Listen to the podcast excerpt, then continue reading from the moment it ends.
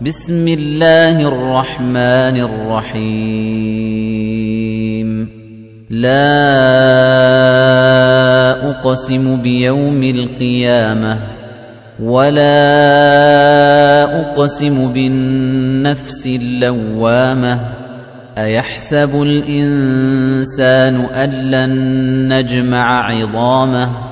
بلى قادرين على ان نسوي بنانه بل يريد الإنسان ليفجر أمامه يسأل أيان يوم القيامة فإذا برق البصر وخسف القمر وجمع الشمس والقمر يقول الإنسان يومئذ أين المفر؟ كلا لا وزر. إِلَى رَبِّكَ يَوْمَئِذٍ الْمُسْتَقَرُّ. يُنَبَّأُ الْإِنسَانُ يَوْمَئِذٍ بِمَا قَدَّمَ وَأَخَّرَ. بَلِ الْإِنسَانُ عَلَى نَفْسِهِ بَصِيرَةٌ. وَلَوْ أَلْقَى مَعَاذِيرَهُ. لَا تُحَرِّكْ بِهِ لِسَانَكَ لِتَعْجَلَ بِهِ. إِنَّ عَلَيْنَا جَمْعَهُ وَقُرْآنَهُ. فَإِذَا قَرَأْنَاهُ فَاتَّبِعْ قُرْآنَهُ. ثُمَّ إِنَّ عَلَيْنَا بَيَانَهُ. كَلَّا بَلْ تُحِبُّونَ الْعَاجِلَةَ وَتَذَرُونَ الْآخِرَةَ.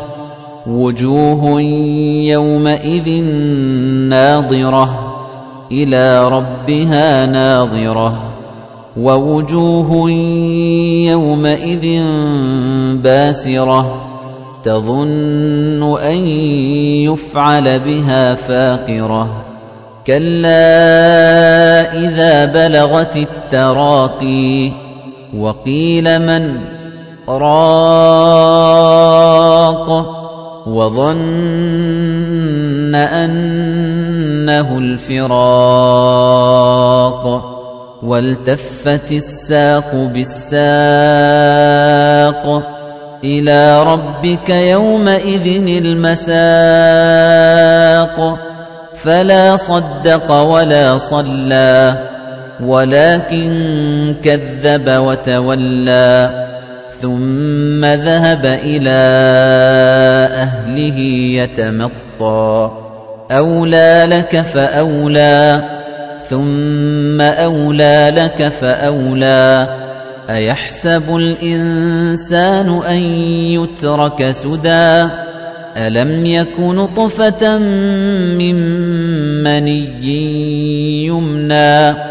ثُمَّ كَانَ عَلَقَةً فَخَلَقَ فَسَوَّىٰ فَجَعَلَ مِنْهُ الزَّوْجَيْنِ الذَّكَرَ وَالْأُنثَىٰ. أَلَيْسَ ذَلِكَ بِقَادِرٍ عَلَىٰ أَن يُحْيِيَ الْمَوْتَىٰ؟